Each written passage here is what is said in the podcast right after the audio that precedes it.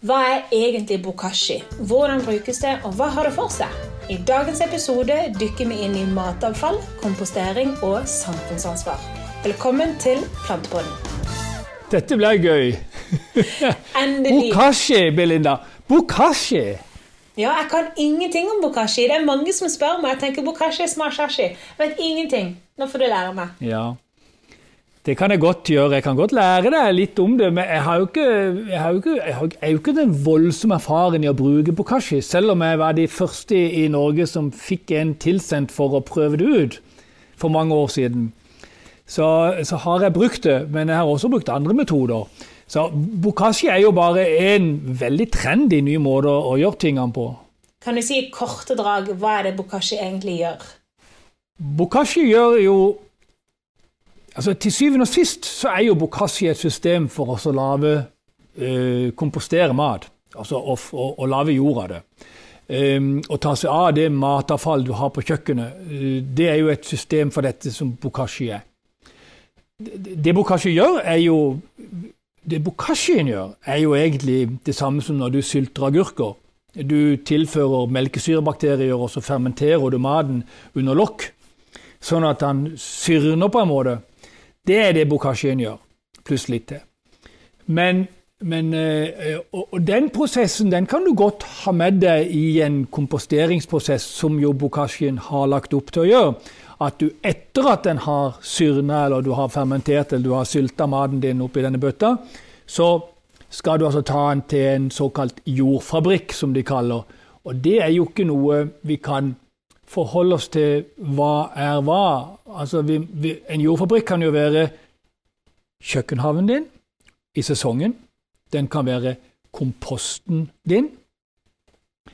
Eh, den kan være noen bøtter med jord i kjelleren. og sånne forskjellige ting. Det er liksom jordfabrikken. og Der blir det sånn at man kan ta en, eh, en eh, Nesten hva som helst av forskjellige ting inn. og Bare du har god, levende jord, så kan du legge denne fermenterte resten, eller det som Bokashin gjør, oppi den.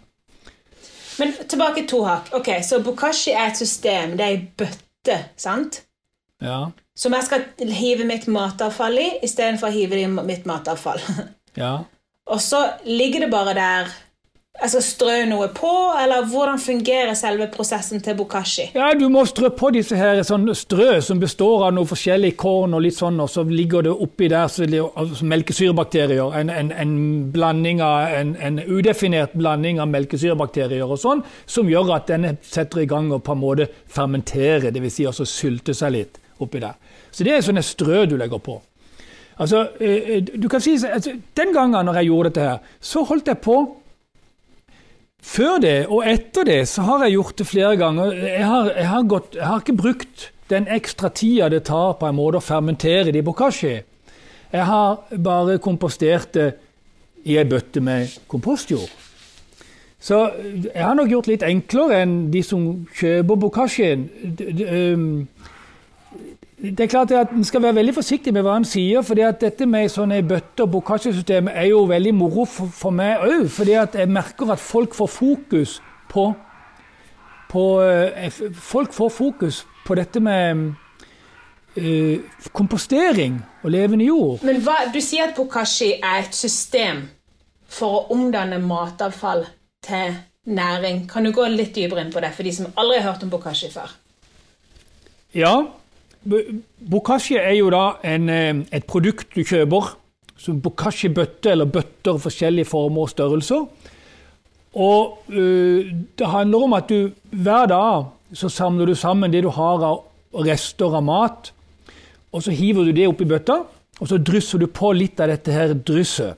Som består av forskjellige melkesyrebakterier og, og ja, Jeg vet ikke helt hva det består av, for de, de, de beskriver ikke hva det består av. Det er en udefinert uh, mengde bakterier som er oppi der, som skal, være, som skal, da fermentere den maten du hiver i bøtta.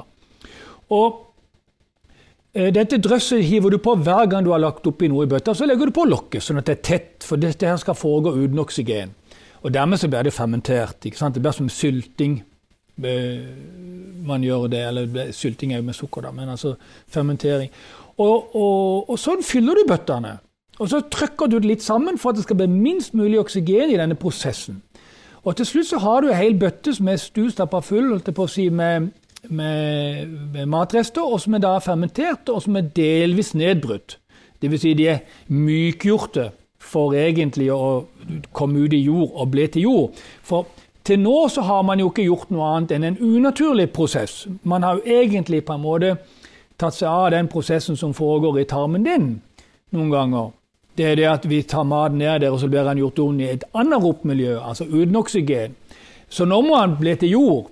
Og det er, og det, var, det, er det jeg nevner og sier litt om at eh, jeg har ikke, jeg har ikke tatt Altså, jeg har nok dingser på kjøkkenet og ting på kjøkkenet. Så jeg har på en måte bare hatt ei bøtte hvor jeg har lagt matrester oppi, og jord oppi, og matrester og jord og mat og jord og mat og jord hele tida, sånn som det.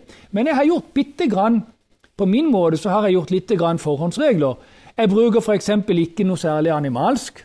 Da må det i tilfelle være helt fersk fisk som ikke er kokt eller stekt. eller noe sånt. Eh, det, jeg legger ikke oppi beina. Det, det har jeg i den der grønne eh, posen, og så hiver jeg det i den der eh, brune dunken. Men det å lage Det å klippe opp grønnsaksrester og kutte opp grønnsaksretter og lage liksom på en centimeter eller to eller tre, og så hive det oppi ei bøtte og så bare, bare blande det bitte grann med jord og la det ligge der, og så legger du på hver gang sånn som det, det gir jo enormt god jord og null lukt. og Helt fantastisk. Og ikke får du noe pissevann i bunnen av ei bøtte heller. Og nå sier jeg pissevann på den måten der, for det, det pissevannet som de snakker om som er så forbanna bra i gjødsel. Det er jo noe jeg absolutt ikke vil ha til plantene mine. Men hva med det vannet til bokashi? For Er det ikke sånn på noen av de bokashi-bøttene så er det sånn en tutt der du kan få ut vann? Eller tar jeg feil nå? Ja, Det er der du kan få ut sånn vann i bunnen. Men det vil du altså ikke brukt på plantene dine? Nei, jeg vil jo ikke det. Fordi? Ikke. Nei, for det, jo, det, inneholder jo nitrogen i lettopptagelig form. Og det er jo å gi plantene en bypass på det jorda egentlig skal gjøre. Så, så, egentlig så er det bare et biprodukt som du bør kanskje fjerne. For det er jo ingen planter i hele verden eller jordbakterier i hele verden som noen gang har opplevd å få en sånn en bokashi-vann ned rundt seg. Så hvordan skal de utnytte den? Jeg vet ikke, på, på lik linje som vi kan gå på sykehus og få en vitamininnsprøytning dersom vi trenger det, kan vi ikke gi det til plantene våre? ja, det er jo helt greit. Altså, hvis du vil bruke det som medisin, så kan det godt være. Det på en trist plante som er underernært, eller du Ja, ja men, men jeg, jeg, snakker jo om altså. Jeg snakker, vel, jeg snakker jo mer om planter som er på en måte going, fit for fight. Og det er klart at Har du en plante som er veldig dårlig, så kan det godt være at den trenger noe lett tilgjengelig nitrogen. Men det er jo en, det er jo en, det er en veldig spesiell måte å finne nitrogen på. Hvis det er det, hvis det, er der er. Jeg har ikke undersøkt den væsken, men de sier jo at den gjødsler. Så da kan det godt være at det er nitrogen i den. Jeg har aldri brukt den, og jeg vil ikke bruke det heller. På, på samme måte som jeg ikke vil bruke neslevann eller disse andre tingene som folk lager eile om sommeren i bøtter og legger oppi grønt og ditt og datt, og så vanner de med det for at plantene skal få nitrogen. Plantene skal ikke få nitrogen den veien. Hvordan skal de få nitrogen? Det er jo noe av det jeg skal fortelle litt om på slutten i episoden i dag. Ok.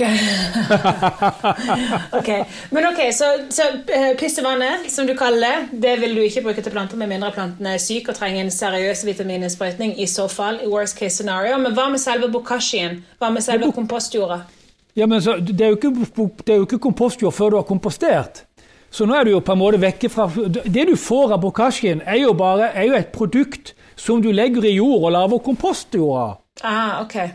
Så dette sånn det, du får av bokasjen, det skal blandes inn i den, jord? Den må komposteres, den, for å bli til jord. Ja, men Hva, hva betyr det å kompostere? Ja, det å kompostere betyr å bryte ned. I, altså at organisk materiale brytes ned til jord. Altså, en fisk kan brytes ned til å bli jord, og det skjer med bakterier og beidemakker og sopper. Ikke med melkesyrebakterier, for det kan ikke bryte ned til jord. Så når du er ferdig med den bokashi-biten under bøtta, så må du ta dette ut og kompostere det. Ta meg gjennom den prosessen. Hæ? Hva gjør jeg da? Jeg går ut med bokashi-bøtta mi, jeg skal kompostere det. Hva gjør jeg? Du tar bokashi-bøtta og blander den inn i god jord og graver henne 15-20 cm ned i en lang renne eller et eller annet sånn. Og så legger du jord oppå. Ok. Ok, ok, ok, ok, ok. Jeg begynner å se bildet. Jeg tror nok jeg har sett for meg at bokashi er en enkel måte å, å lage eh, god jord på dersom du bor til og med i en leilighet eller har en liten balkong. Men du kan altså ikke bruke den ferdige bokashien til noen oh, ting. Du kan ikke, Nei. du kan ikke bare potte en plante i det. Nei, det er ikke så enkelt. Men, men altså, hør nå. Poenget mitt hele tida Jeg vil veldig gjerne holde humøret oppe til alle bokashi-brukere. Fordi at de, du får på en måte um, du, du får fokus på dette med, med å bry deg ned og, og ta vare på og ta i retur det du kjøper, og litt sånn bærekraftmessig akkurat det. Men bærekraftmessig er, som jeg sa innledningsmessig, det beste du kan gjøre, er å levere matrestavfallet ditt til, i en grønn pose til et sted i en kommune som har biogassanlegg. Der er ingenting bedre enn det, for da kommer resten av dette som du har spist en gang, og det alle tusen mennesker har spist, da kommer det ut til bonden, og han kan legge det ut på åkeren. Og på den måten så slipper han å bruke mer kunstgjødsel, som jo vi ikke bør bruke i forhold til forurensning av vassdrag og elver og sånne ting. Så Det er det aller beste folk kan gjøre med matrestene sine, hvis de er et sted hvor ikke bare brenner han opp i et forbrenningsanlegg, men eh, det har et biogassanlegg, og det er det flere steder som har nå.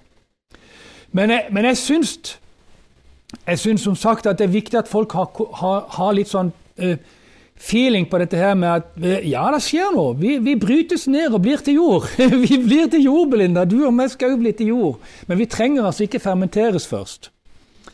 Og det er hele poenget mitt her. det er at det, Hvis du vil, så kan du lage dette luktfritt, fullstendig luktfritt. Jeg hadde ingen lukt i de bøttene mine. Det handler rett og slett om å unngå at ting rådner. For når ting rådner, så lukter det vondt. Da får du fluer. Men er, grønnsaksbitene kutta opp i beder, og du har ei bøtte med jord, og du røsker og du legger dette ned i jorda, sånn som det, så har du det under kjøkkenbenken. Da kommer ikke ei flue, og det er ikke en eneste lukt. Når du da har gjort dette, så kan du samle dette gjennom vinteren, og så kan du ta alt ut i haven om sommeren. Det er faktisk talt, Hvis du klarer å holde en 15 grader pluss, så har du fin jord i løpet av vinteren.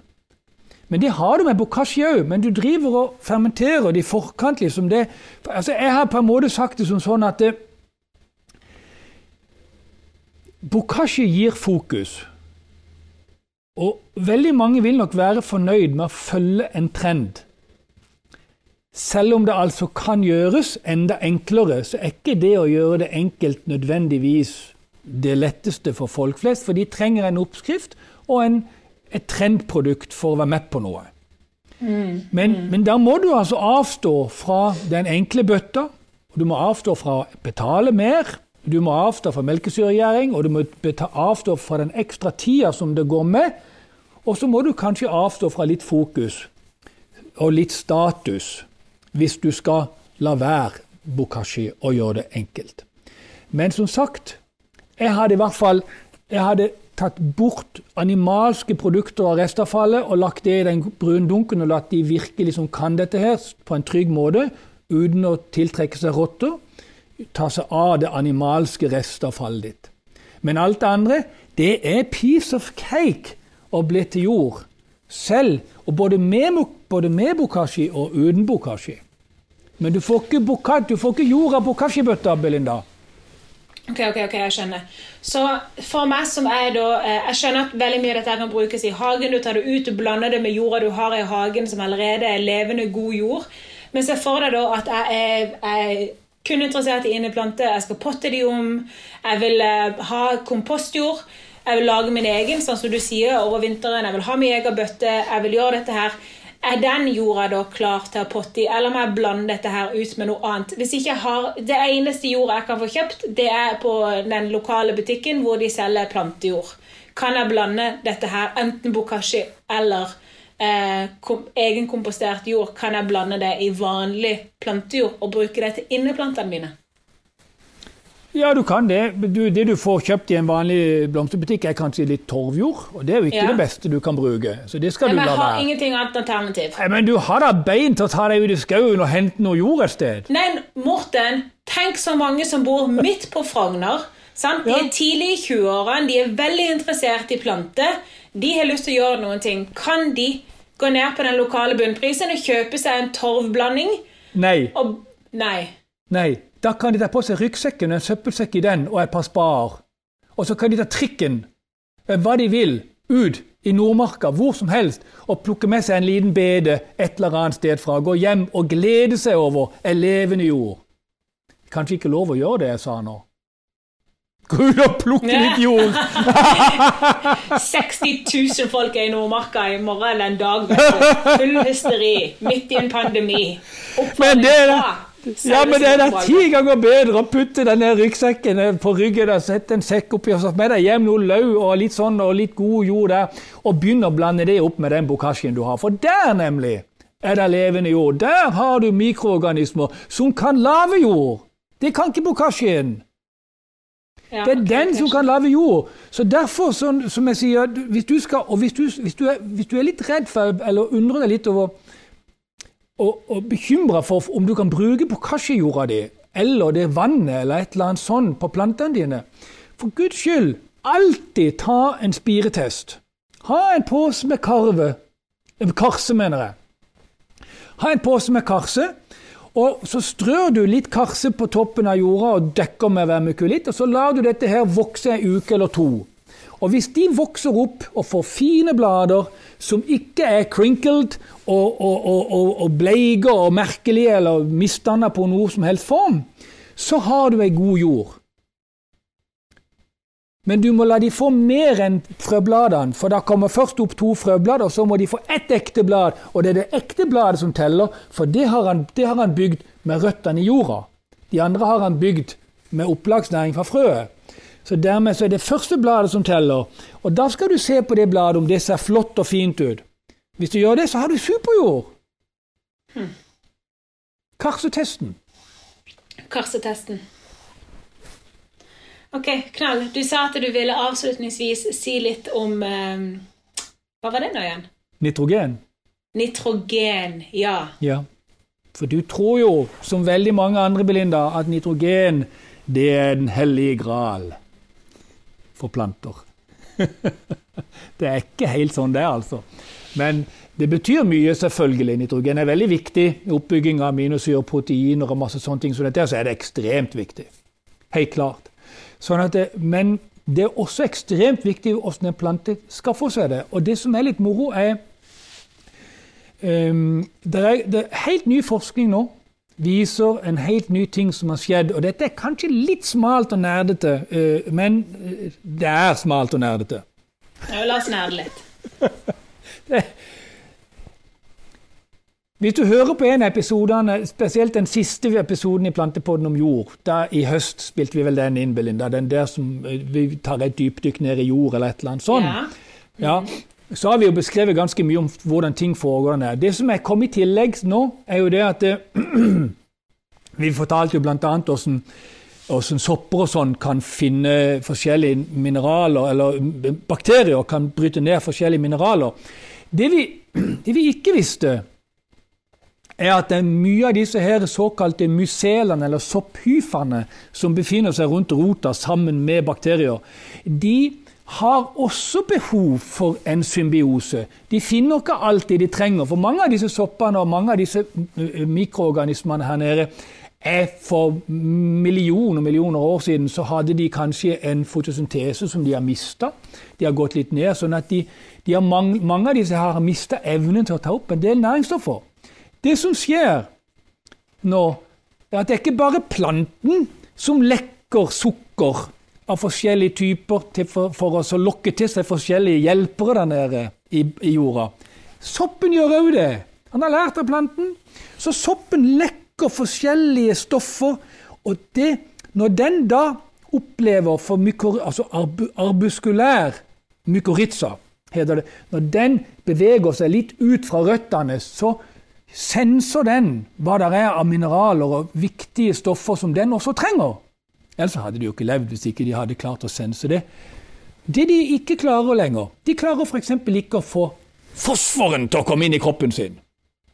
Så de trenger hjelp av bakterier. Akkurat som planten trenger hjelp av bakteriene og soppene, så trenger faktisk talt soppene hjelp av bakterier. Så det du gjør nå for å få disse bakteriene ut til der de har funnet fosforen, eller merker fosforen De setter seg sjøl inn med litt sånn gel, hva det for noe, gelé. Sånn at liksom, og, denne, og, og, de slipper ut, og den geleen er lagd mye av bakterier. Men så kan du si, så svømmer bakteriene henover langs disse sopphyfene. Og når det gjelder sopphyfer, så er de så små at det går 10 000 av de på et gjennomsnittlig menneskehår i tykkelsen. Oi. Det er smått. Du kan ikke se det. Henover denne så er det litt sånn uh, gelé, og der kommer bakteriene. Og de er på vei ut. Og det er ikke hvilke som helst bakterier der heller, skjønner du. For disse soppene har De må ha noen som kan ta seg av øh, fosfor. Og, mine, og, og, og, demineralisere fosfor, sånn at de kan gjøre det opptagelig i kroppen. Det er det de må holde på med nå. Så Derfor så har de altså klart å funne ut nå at til og med soppen lokker bakteriene med seg til det stedet de trenger hjelp der nede. Og Det mest fantastiske med alt dette, Belinda, vet du det, det er at vi trenger ikke fatte det. Vi må bare vite det, for vi kan ikke se det. Kult. Men hva er dette med nitrogenet? Ja, nitrogenet foregår på samme måten. Og jeg vil egentlig bare peile inn på det at nitrogenet skal tas opp av planten fordi bakterier og sopper har skaffa det. Soppene få gjerne ammonium. Bakteriene skal få gjerne nitrat, altså den raske formen. Og derfor, når vi skal ha nitrat, når vi skal ha sommerblomster og grønnsaker og sånne ting, så får vi så vil vi gjerne ha ting å skje fort. Og da kunne det vært sabla fint å ha en sekk med kalksalpeter med 20% nitrogenitrat i, f.eks. Men da kan du jo lese video, da har du jo lagt vekk alt jordliv. Så da gir vi de karbohydrater. For det er det bakteriene lever. Soppene lever fett og proteiner og sånne ting, og da får du ammonium. Det er dieselen. Det andre er jetfuelen. Så nitrogen dere skal ikke skaffes verken av bokashi-bøtter eller på som er gjødsel eller noen ting. Nitrogen skaffes av et jordliv som du har fòrt med fett og proteiner og karbohydrater og kompostjord. Så da får du ei levende jord med alt det inneholder som skaffer planten alt den trenger av nitrogen og mineraler og næring. Og i 30 år har jeg sagt at vi gjødsler aldri våre planter.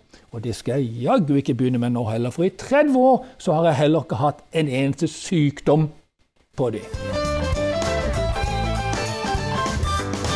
Det er en kjent myte eller et kjerringråd som nå florerer både på Instagram og TikTok og Facebook og rundt der som det som sier at du kan ta bananskall i et eh, glass, fylle på med vann, la det stå to-tre dager, og så bruke dette som næring til plantene dine for å gi plantene dine potassium.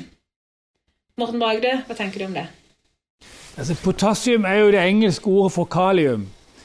Og kalium finnes jo overalt i jorda og mange andre steder. Og det er bare snakk om å ha elevene i jord med mikroorganismer som, som, tar tak i dette og bryter det ned og gjør det opptagelig for planten.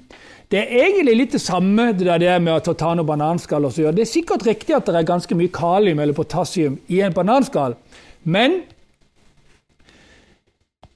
jeg kan ikke begripe hvorfor du skal drive og ta kalium eller potassiumen ut av bananen og vanne med det. Var det ikke mye bedre å klippe bananen opp i småbøder og så legge den i noe jord, og så putter vi den i uh, Legger den i jord, og så, og kan, og så kan, du um, Så får jo jordbakteriene til å ta ut kaliumen. Og ikke nok med det, da tar de ut kaliumen i den takt som planten ber om det. Det har jo ikke du peiling på, du har jo ikke snakka med han, men det kan jeg love deg at mikroorganismene har. De har prata med røddene. Hm, åssen er det der oppe? Nei, de spør forresten ikke. Det er planten som sender spørsmål ned. Har det noe kalium? Et øyeblikk, sier de. Og så går de rundt der. Da får de kalium. Jeg leste, jeg følger han ene, han heter um, That One Plant Guy på Instagram. Og så tar han for seg dette her med å gi potassium. Og nå tar jo han høyde for at de fleste som gjør dette her, de bruker jo da ikke levende jord eller kompostjord. De bruker jo da eh, torvbasert jord, sant? eller kokosfibepapir, whatever. sant? Plantejord. Ja. Så spør han da, han bare ok, helt i orden at du har gitt For det første så kaller han det hele for en, for en placeboeffekt. Og så sier han at greit, du har gitt de små, små deler av potassium, men hva med resten? Hva med nitrogen? Hva med phosphorus, calcium, magnesium, sulfur, silicon, uh, boron, chlorine, cobalt, copper, iron, magnesium, sodium, nickel, zinc. Bare hvor er resten? Hvis du skal gi kun potassium til en plante som allerede står i nothing. Ja, da, ja, da er planten lost. Men, det, men hør nå, Belinda.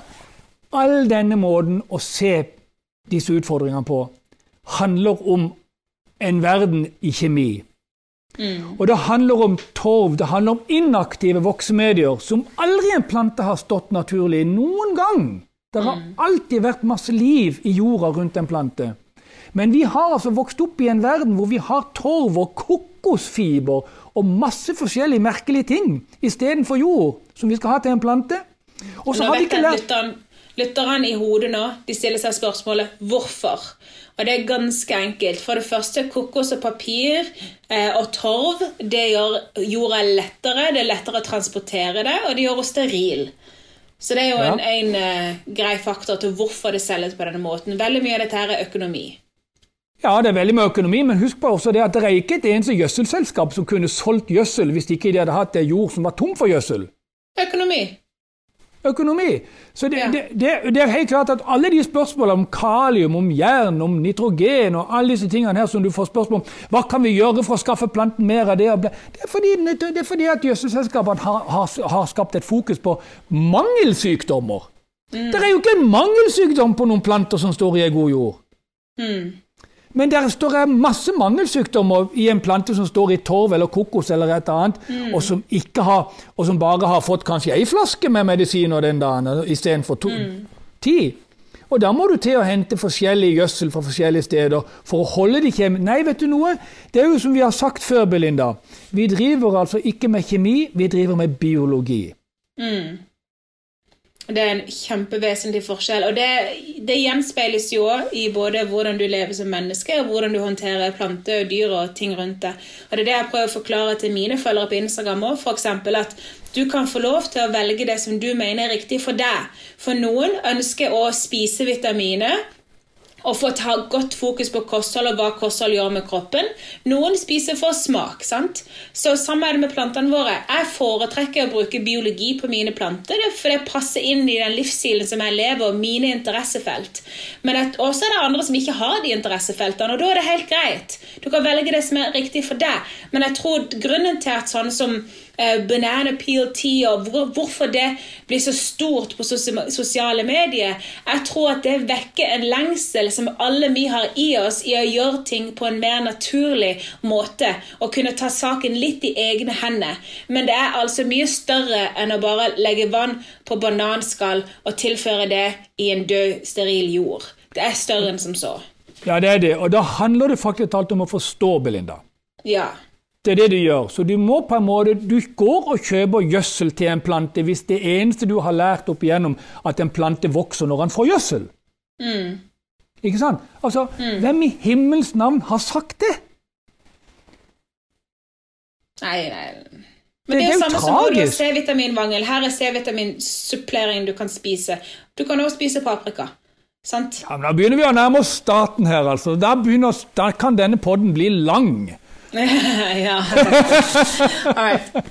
Vi avslutter med dette, så anbefaler vi dere hvis dere er mer interessert i dette med levende jord, så har vi altså to episoder der vi har snakket om jord. Vi har en vi lagde i høst som heter eh, jordkjemi for de mer avanserte, tror jeg. Og så lurer Ja. jeg faktisk på om den aller første episoden vi hadde, handler om jord, jord og levende jord. Ja, jeg tror det. Eh, Så kanskje vi skal ha enda en episode om dette her òg, for å eh, Kanskje vi kan få, Jeg føler ikke at vi kan snakke nok om dette her med jord, for det er veldig Nei. interessant.